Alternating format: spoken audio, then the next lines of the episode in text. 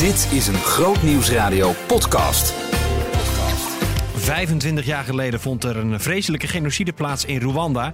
Daar sprak ik over met een man die kort na die genocide werkte aan de wederopbouw van het land.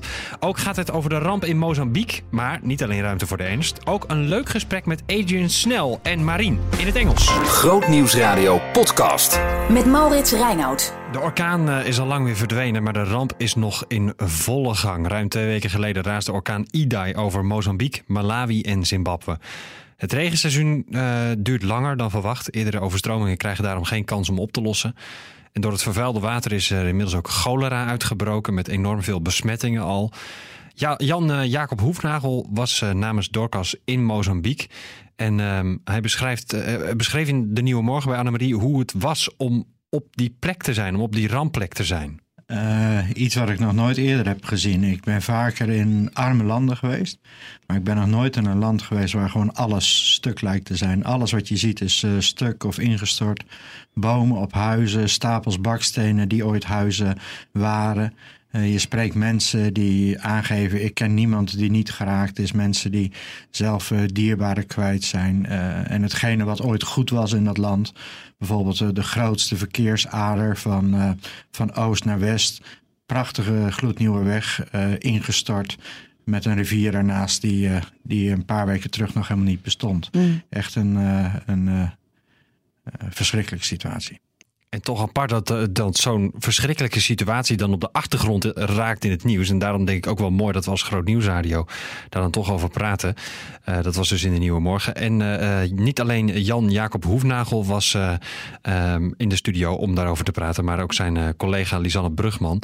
En Annemarie stelt ook nog de vraag aan haar: hoe komt het eigenlijk dat dit naar de achtergrond van het nieuws verdwijnt eigenlijk, naar de achtergrond verschuift. Ik denk dat, um, dat mensen, ja, er zijn altijd weer nieuwe actualiteiten en mensen vergeten snel uh, dat die situatie daar is als je er niks meer over hoort. Terwijl ja, de hulp die, die, die moet daar nog zeker maanden doorgaan. Ja, ja want uh, Jan Jacob, jij geeft net aan, alles is verwoest. Alles is hierdoor getroffen. Welke omvang heeft de ramp?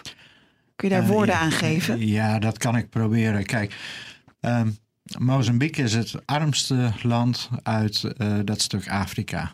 Uh, het is een land wat ongeveer 20 keer zo groot is als Nederland, met 27 miljoen inwoners. Waarvan 70% gewoon uh, zelf arm is, maar wel zelfvoorzienend leeft. Hè? Dus die heeft een eigen eten wat ze verbouwen op een eigen stukje, stukje grond. En, en even voor ons beeld, als we de uh, kaart van Afrika voor ons hebben, dan ligt het daar aan de rechterkant met dat puntje zo aan Zuid-Afrika vast. Uh, ja, dan heb je Tanzania erboven, dan heb je Malawi uh, links, dan ja. heb je Zimbabwe als groot, groot land, ook aan de, aan de, aan de westzijde. En inderdaad, daaronder ligt Zuid-Afrika. Het, is, het, het, is een verschrikkelijk, het is een verschrikkelijk arm, uh, arm land. En uh, als je dan hebt over de omvang. Men zegt 2 miljoen mensen zijn geraakt. En men zegt uh, 529 mensen hebben, hebben uh, cholera. En men zegt dat er misschien duizend doden zijn. Mm. Maar wij zijn in gebieden geweest waar de overheid nog niet geweest is. Waar ontwikkelingshulporganisaties nog niet geweest zijn. Waar we ook gewoon begrafenissen voorbij zagen komen. Waar mensen zeggen we zijn dierbaren verloren. Maar dat zijn mensen zonder geboortecertificaat. Dat zijn mensen die zijn ook niet gemeld als slachtoffer van de orkaan. Ja. Dus wat de werkelijke omvang is van deze ramp, dat, dat is heel moeilijk onder woorden te brengen. Bovendien gaat de echte ramp zo meteen nog komen. Hè? Mensen die niet kunnen oogsten. Mensen die deze oogst verloren zien gaan, maar ook geen geld hebben voor misschien wel de volgende oogst te planten. Dus dit is een ramp, maar de grote ramp moet misschien nog wel komen. Ja, dat is helemaal raar om te beseffen dat de grootste, grootste ramp eigenlijk nog moet komen. Mozambique is trouwens ook een heel uh, christelijk land. En daarom ging het ook nog even over. Ja, welke rol speelt het geloof dan eigenlijk op het moment dat zo'n ramp zich voltrekt? Nou, je ziet heel veel kerken, inderdaad, bijna 60% is, uh, is christen in het land.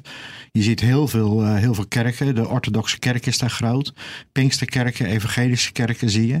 Dat kan varieert van uh, met z'n allen dansen en zingen onder de boom en vol bijna uit je dak gaan voor, de, voor God. Tot het hele traditionele van, van de orthodoxe kerk.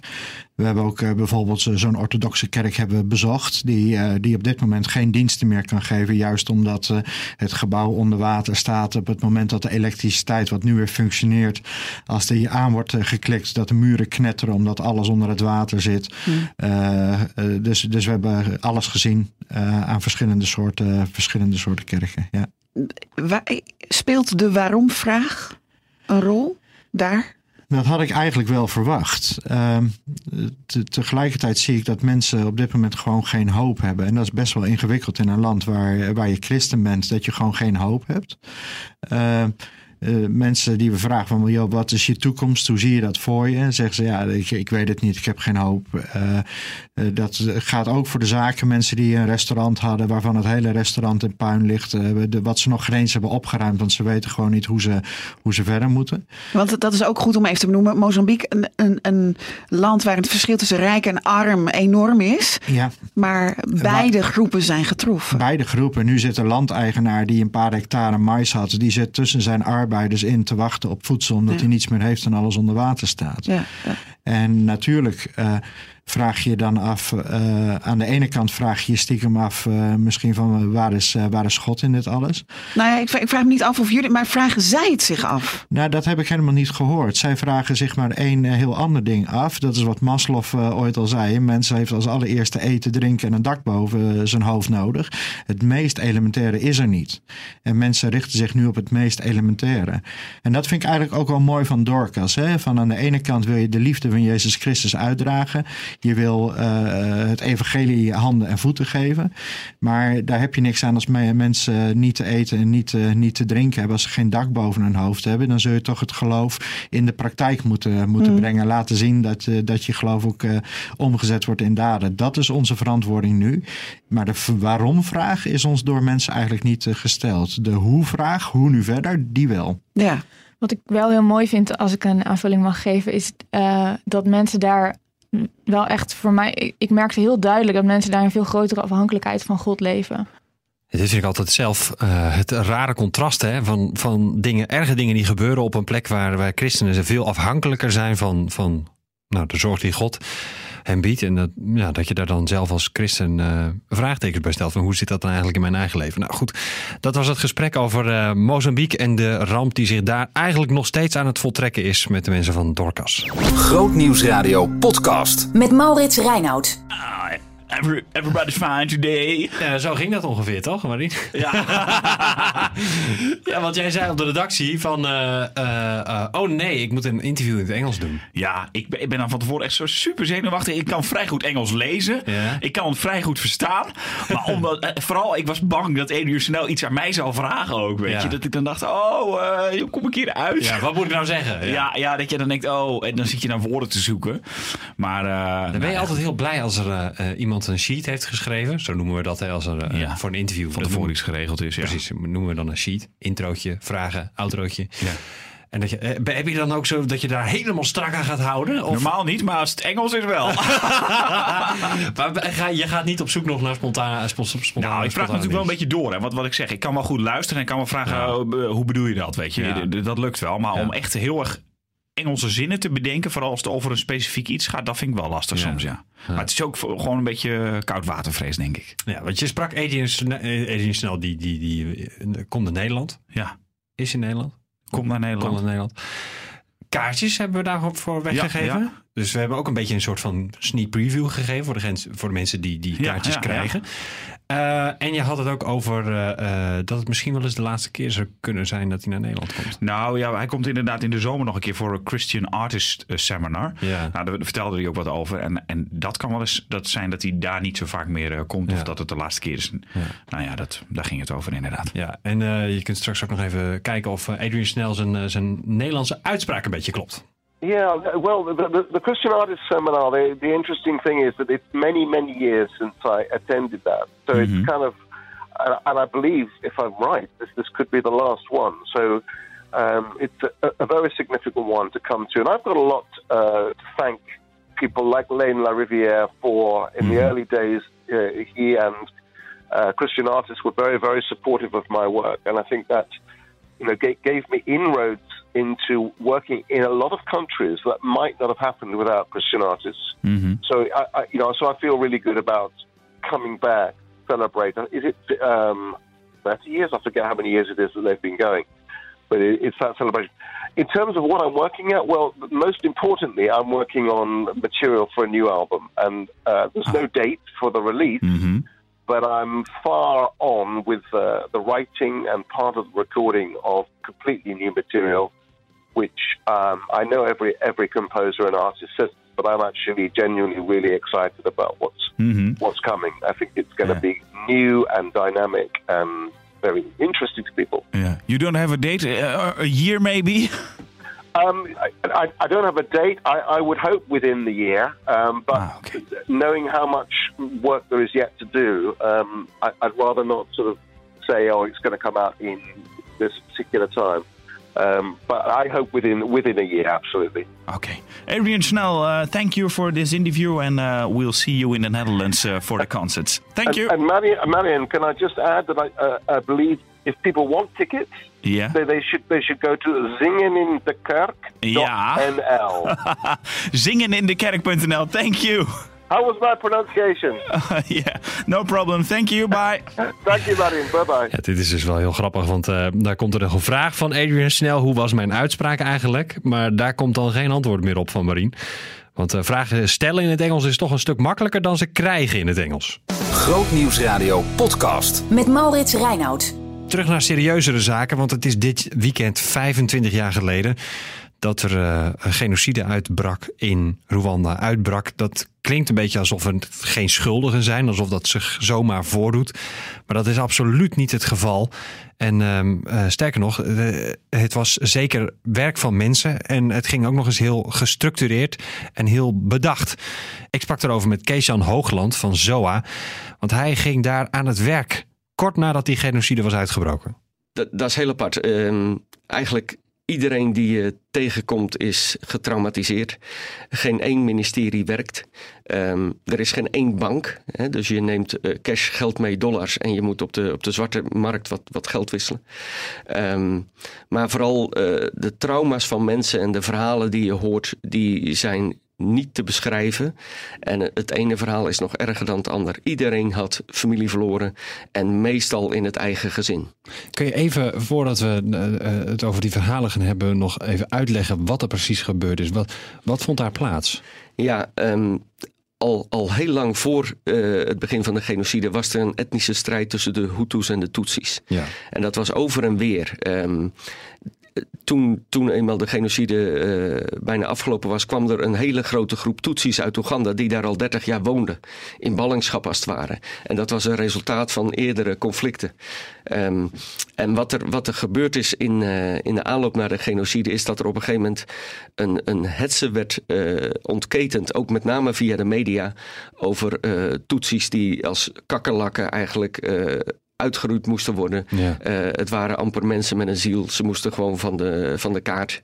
En ehm, het, is, het is heel bizar hoe dat ook heel geordend met, met dodenlijsten. En men wist precies in welk huis Tutsis woonden en waar men moest wezen om te, om te doden.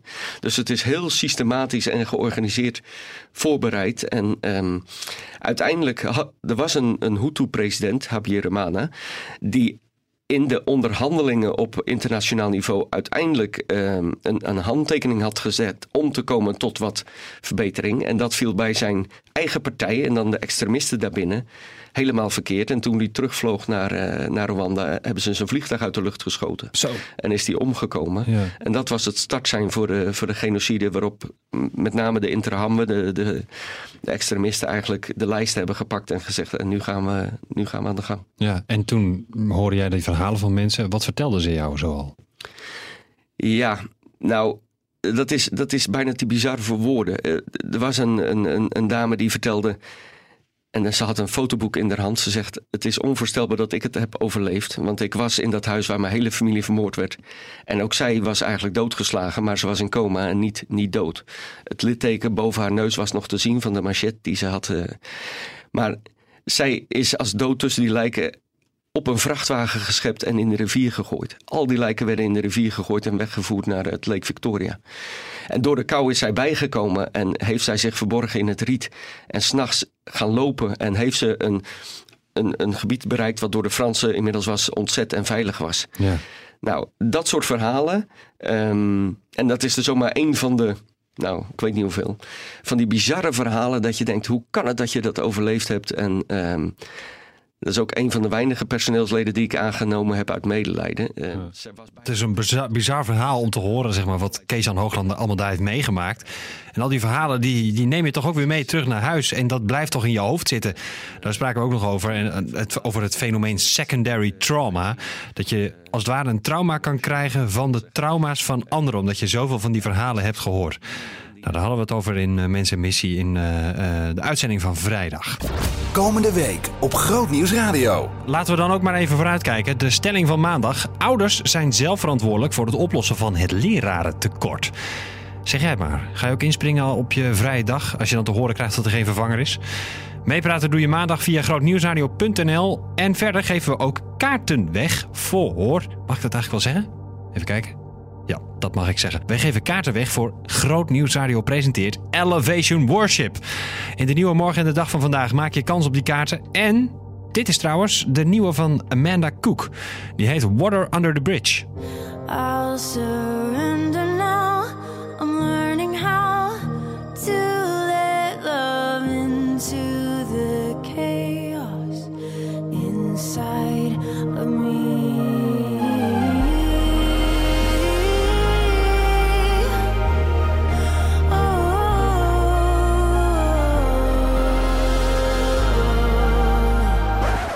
Ja, en als je de rest wil horen van Amanda Lindsay Cook en Water Under the Bridge, dan moet je luisteren naar Groot Nieuws Radio in uh, week 15.